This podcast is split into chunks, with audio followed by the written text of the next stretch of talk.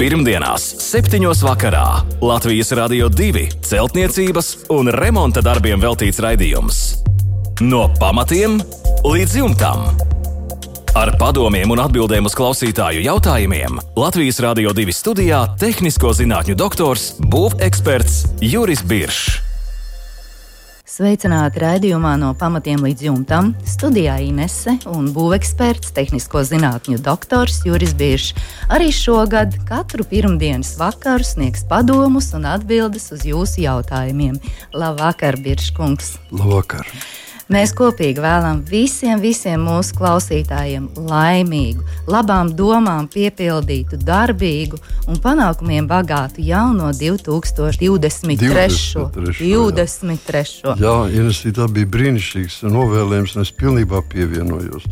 Skaists šis gads, kā katrs gads nes kaut ko jaunu zemē. Šis gads ir, ir, ir cerību pilns, un mēs visi ceram tik uz to labāko. Nu, protams, uz ko gan citu mēs bieži kungs varam cerēt. nē, nē, tikai uz to labāko. Um, bet es cerēju un domāju par to, ka šajā raidījumā pirmo jautājumu tomēr jums uzdošu es. Labi. Nevis kā būvekspertam, Nu, nu. bet kā astrologam. O, jā, Es kādreiz- domāju, ka daudz no mūsu klausītājiem šo, šo niansu ir palaiduši garām un nezina. Nu, tas tāds, tāds ne, ne, netikums man ir, man ir piemits no seniem laikiem. tas ir Piemīt, hobija piemīt, līmenis. piemīt, jā. piemīt joprojām virskungs. Un tālāk es gribu jautāt par nākamo gadu. Mēs te iepriekš jau runājām zaķa, truša, kaķa, bet melnais. Jā. Kas tas īsti būs par gadu? Ko tas mums nesīs? Kas zvaigznēs ir ierakstīts? Nu, kā lai saka, redz, Inesī, tu pieķeries reiz klāt pie, pie ķīniešu tā sakot, šī dzīvnieku.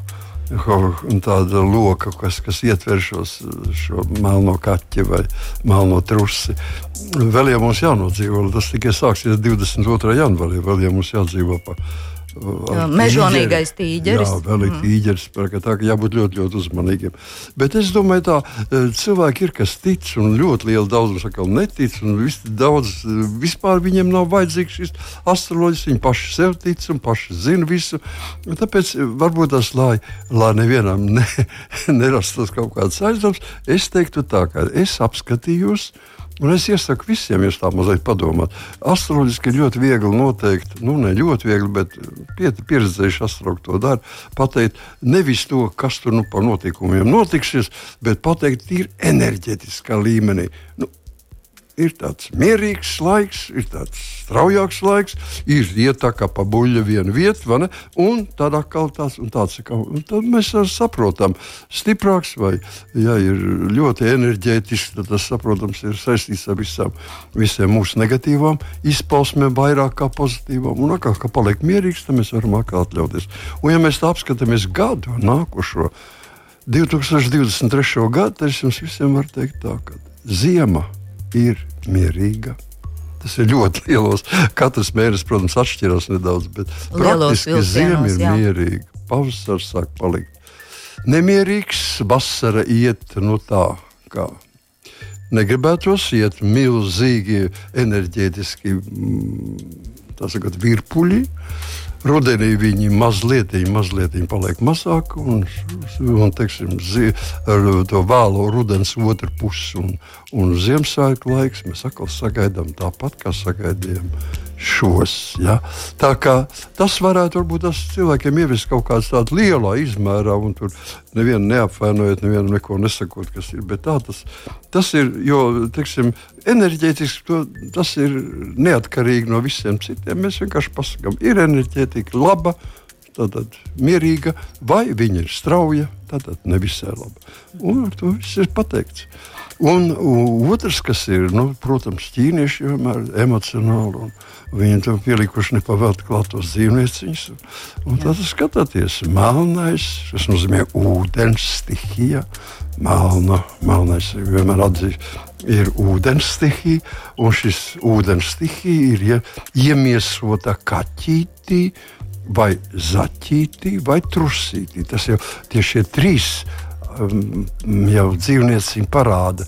Kaut gan viņi savstarpēji diezgan dažādi. Ja? Mēs varētu no zaķa trusi vēl varētu līdzīgi, bet kaķis jau pilnīgi izdalās tik un tā. ķīnieši uzskata, ka viņiem ir kopā. Tas nozīmē, ka šai zīmē ir tāda nevis duāli, bet pat trie, trīskārša tāda, tādas pieejas. Tas nav, tā nav vienkārša zīme. Viņa ir savā ziņā bailīga kā trusis, savā ziņā viņa ir mierīga un tāda uh, mīlīga, mīlīga ja, un pūkaina kā kaķis. Ja, un, un, un, un atkal cilpojoši, kā zaķis grauž un skrien pa visām vietām. Tā Redziet, tas viss piemīt kopumā. Un tāpēc tā, tā, apmēram tas gads tāds būs saraustīts. Ja?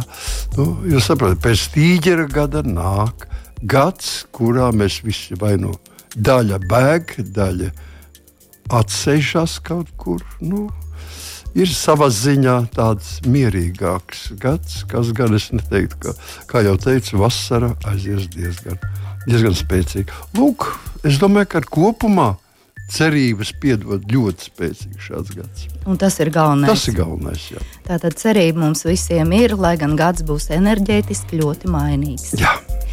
Jā, paldies, Biržkungs, par šo kopsavilkumu, bet nu gan pie darba.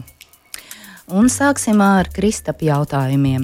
Kā atjaunot grīdas koka mājā, ja nesošā siena balstās uz ģipšakmens pamatiem, bet starp sienas uz lāgām, kas balstītas uz mūrētiem stabiņiem, māju gan ir skāris brants. Šobrīd šķiet apstājies, jo tika, tika likvidēts uh, mitruma avots. Vai mēģināt atjaunot koka grīdas, vai ieliet apsildāmās grīdas? Kristaps nevar izšķirties. Kā norobežoties no starpsienu lāgām, ja leja apsildāmās grīdas? Sanāks, ka tās no abām pusēm vismaz daļēji ieskaus betons. Kā tad norobežoties no nesošās sienas nelīdzenā ģipšakmens mūrējuma? Un Kristaps bija pievienojis arī vairākas fotoattēlus, ļoti gara un izsmeļoša vēstule. Jā, nu, kā lai saka, uh, ir savas problēmas, bet es domāju, ka eh, Kristaps nedaudz, nedaudz pārspīlē. Šeit nav tas uh, trakākais. Viss trakākais, protams, bija tas, kad ir pieminēts, ka ir bijis brāns. Nu, tā tad šī raudošā sēna. Bet likvidēts. Protams, Bet viņi ir skaitās, liek, nu, redziet, ar to brandā ja viņi var arī iekapsulēties. No nu jā, viltīgi, viltīgi, Tieši jā. tāpēc, lai nebūtu ne mazākās iespējas parādīties vēlreiz brandām, izmetam ārā visu, kas ir no koka.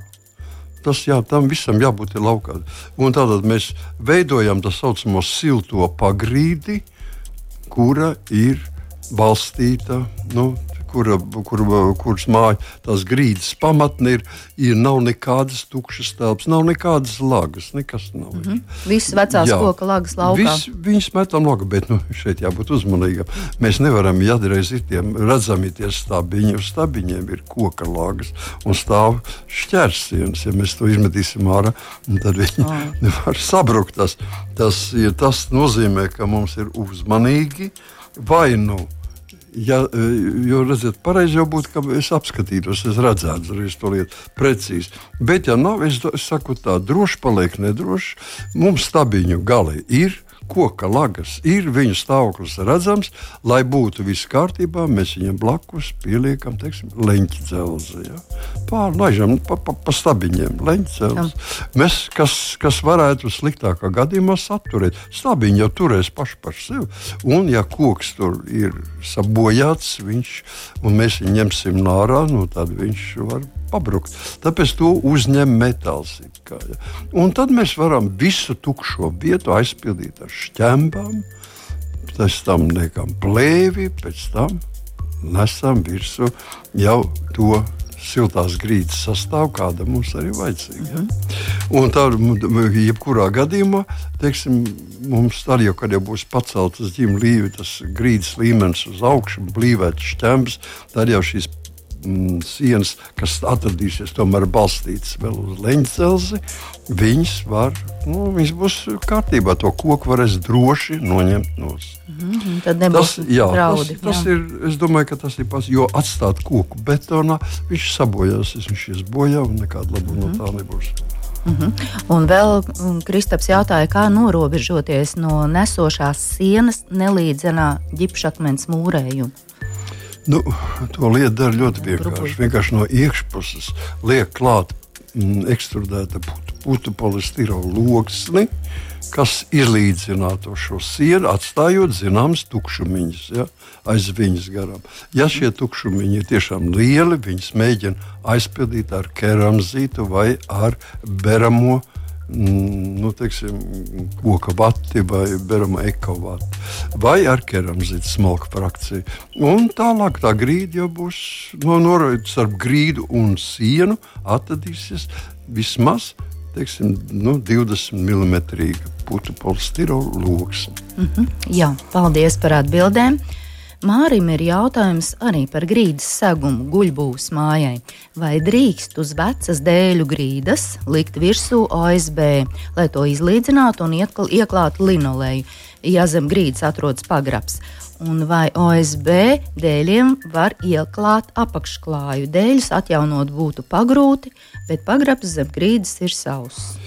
Jā, nu šeit var ļoti ātri kļūdīties. Ja šeit ir divas lietas, ko nedrīkst parasti darīt, no kā mēs izbēgam.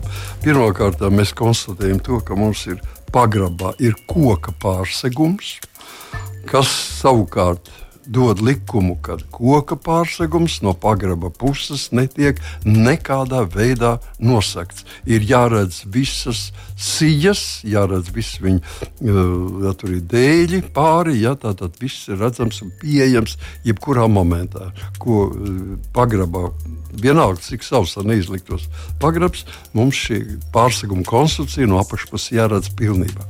No otras puses, no siltās puses, likt uz koka virsū linoleju ir atkal ļoti slikti. Bet, ja nu cilvēks grib, un Mārcis noteikti grib, grib likt linoleju virsū, tad es ieteiktu sekojuši uz šīs esošās grīdas, liekam vertikāli, tas ir garānā virzienā latas nu, puslapas līmenis, pilnīgi pietiek 2,5 cm.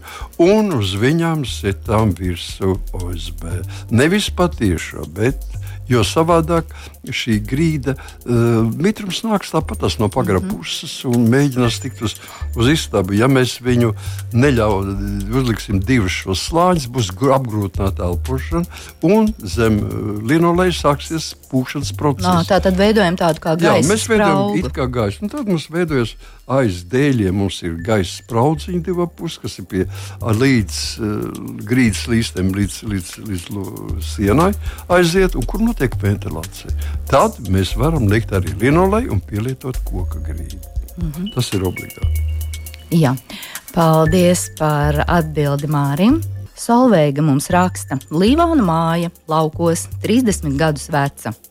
Pirms trim gadiem nomainījām septiņus logus, gribēju koka, laikam slikti ielika. Tā kā salstam šo ziemu, nekad vēl neesam saluši. Mati plīvo logu tuvumā. Dārgā kurināšana, viss velti, izpūš ātri, pilnīgs izmisums. Ko darīt?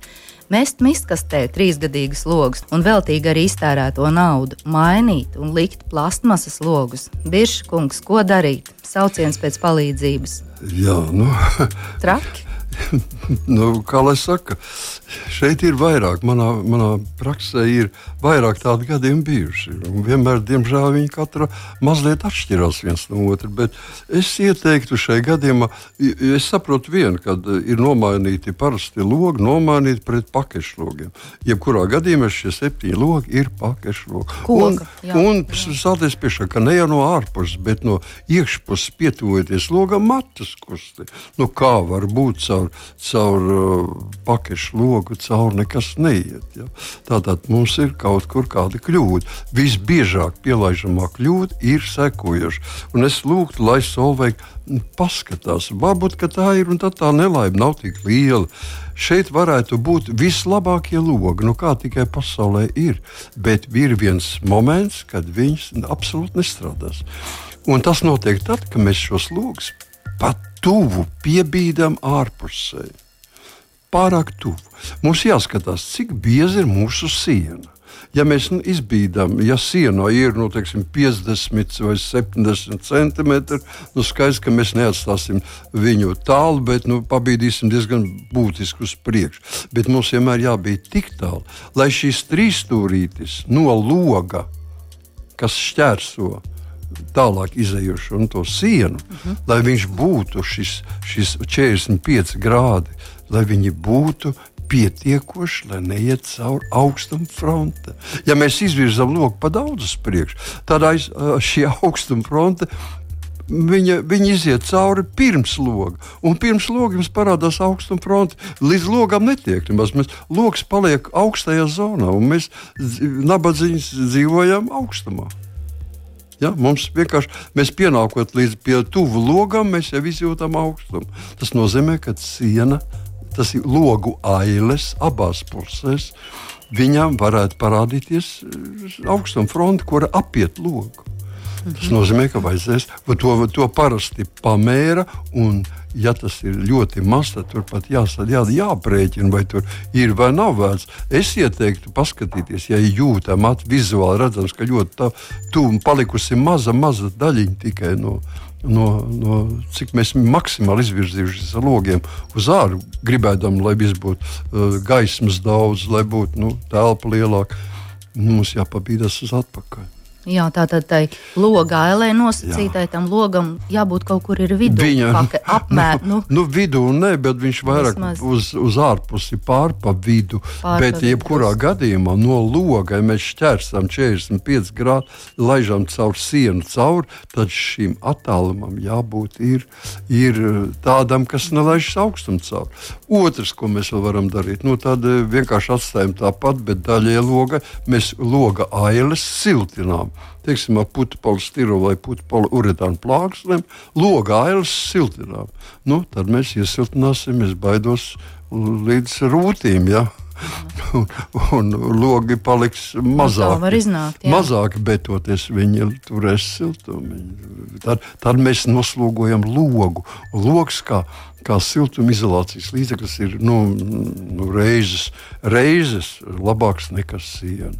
Tāpēc jābūt uz, ļoti uzmanīgam, nosakot to vietu, kur, cik tālu drīkst mm -hmm. logs bīdīt uz priekšu.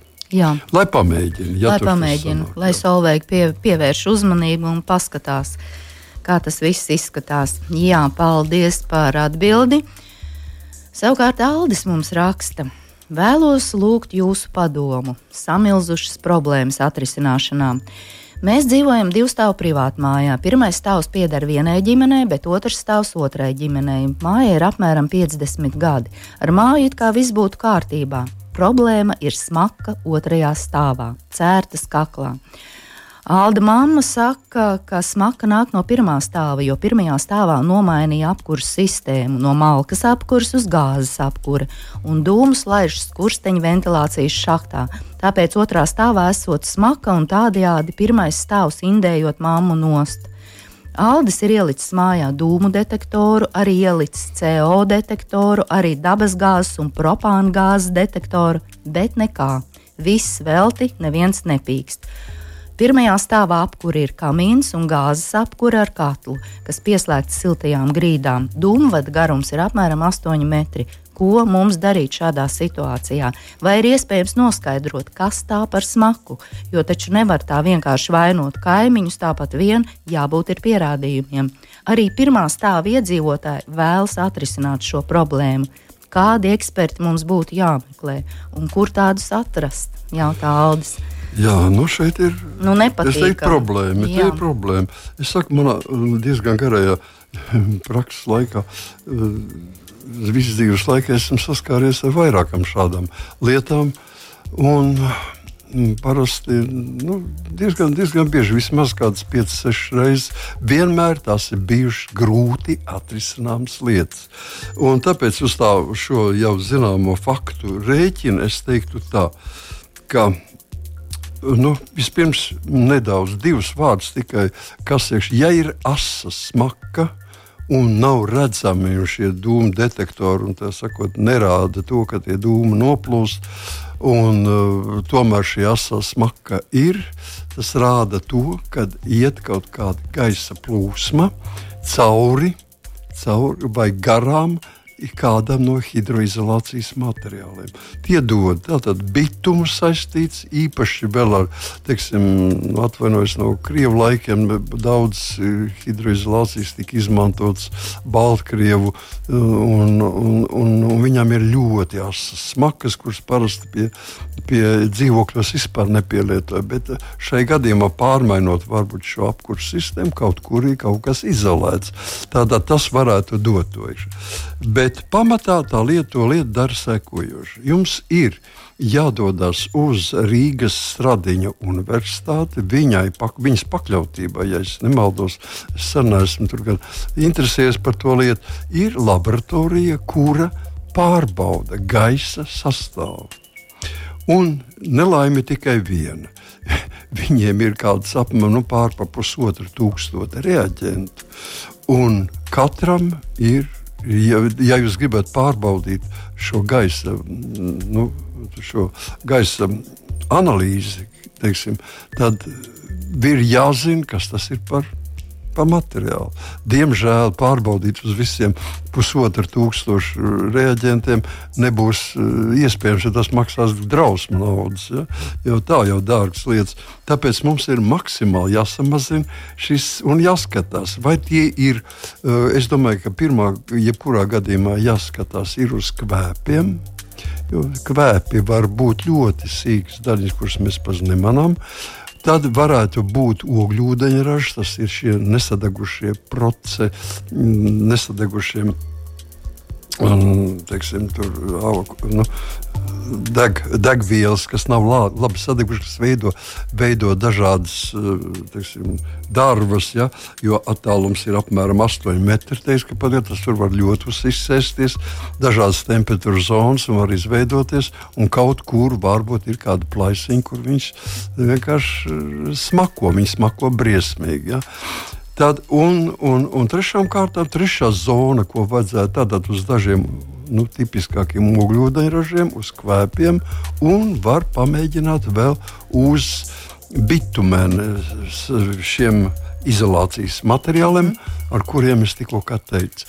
Nu, diemžēl tas ir dārgs process, bet jāmēģina, jo viņi taisīs un liks šos paraugus iekšā, un tikai tad var noteikt, ja viņi tiešām ir kaut kas līdzīgs viņam. Tāpat tās gaisa noteikti nu, tāpat nav iespējams. Ir, ja, jau katram atsevišķam gadījumam ir sava ampula, kur viņi reaģentu dod. Ne visi vienādi nereaģē. Mhm. Tas ir, ar to ir jāsāk. Ja? Ar to ir jāsāk, viņi to izdarīs, viņi pateiks, vai viņi ir kaut ko atklājuši. Ja jūs atklāsiet, tad jau būs vienkāršāk pateikt, kur tas ir un kā, kur tāds materiāls ir pielietots. Ja agrāk smakas nebija un tagad ir parādījušies, nu tad tiešām tā varētu būt uh, apkuras sistēma, ko, ko dos rezultātu, dod arī tas periods, kad ne, nenotiek apkure. Vai viņš saglabājas kādā mērā un tā tālāk. Nu, tur ir varianti, bet iesākiet kaut vai ar to. Jā, un vēl Aldis rakstīja arī, ka skurstenim ir četri kanāli un uh, divi malējie kanāli, Jā. ķieģeļa izmēra, malkas apkurei, divi ventilācijas kanāli. Varbūt tur ir kaut kas sajaukts un ielaists tās nu, caurules, ne tur, kur vajag. Tā nē, nevar nē, būt. Tik, tik traki nebūs, jo tad jau to justu pilnīgi grūti. Ļoti, jā. jā ļoti. Izteikti. Ir kaut kur varbūt kāda mikroplaisa, kura, kura smako un kuru mums ir grūti pateikt. Vismaz dabūt zināt, kas tas kas tā ir par materiālu grupu. Jā. Paldies par ied, atbildu un ieteikumu Aldim. Pirmdienās, 7. vakarā Latvijas Rādio 2 celtniecības un remonta darbiem veltīts raidījums. No pamatiem līdz jumtam. Ar padomiem un atbildēm uz klausītāju jautājumiem Latvijas Rādio 2 studijā - tehnisko zinātņu doktors, būveksperts Juris Biršs. Un vēl mums ir Aleksandra vēstule. 1901. gadā celta māja, ap 1980. gadu aplikta ar dzelteno ķieģeļu. Ķieģelis Aleksandram ļoti patīk, tāpēc siltināt no ārpuses viņš negrib šo māju. Domāju tikai nomainīt grīdas un logus, bet sienās koks ir sapuvis. Tur ir bijusi gaisa sprauga, kurā tika samestas ķieģeļu paliekas. Ir doma koku aizvietot ar keramzīta blokiem, blokus likt klāt pie ķieģeļiem. Iekšpus iekšpusē loksnes, loksnēs vati ieklāt, un arī pēc tam rīģipsi. Varbūt vajag zilo putu polisterola izolāciju starp ķieģeli un bloku. Kā pareizi būtu rīkoties? Šāds ir pirmais jautājums Aleksandram. Jā, nu, šis es teiktu, eh, protams, daļēji jau Aleksandrs arī atbild uz to lietu. Tas ir skaidrs, ja ķieģelis patīk, lai viņš arī paliek. Mēs varam iekšējo materiālu nomainīt. Mēs varam pat ar koku nomainīt. To. Tas būtu vienkāršāk, lētāk. Tikai tajā gadījumā mūsu gaisa starpa starp ķieģeli un koku būtu jāizspied ar kādu no siltumizolācijas materiāliem. Mhm. Un viss. To ir vairāk nekas. Ja mēs aizpildām ar, ar uh, keramzītu blokiem, tad viņus var būvēt pilnībā klāt. Nu, es gan ieteiktu starpā varbūt tiešām nelielu 3 cm joslu un to šo 3 cm joslu aizpildīt ar, ar kaut kādu efektīvu, piemēram, ar uh, putu polistirolu uzpūstām lodītiem, kas no, nosmērēts ar, ar grafītu smēri, kas ir ārkārtīgi siltums izolējošs materiāls. To var teiksim, atļauties. Diktējot jau precīzi 3 cm joslu. Tas nebūtu ārkārtīgi dārgi. Kas attiecas uz, uz iekšpusi izklāta ar akmens mm, vates loksnēm. Nu, iekšpusē to nevajadzētu darīt, jo tad jums jāliek priekšā ir vēl siltajā pusē plēve. Nu, to nevajadzētu darīt tas uh, tikai apgrūtinās jūsu pašu elpošanas spēju.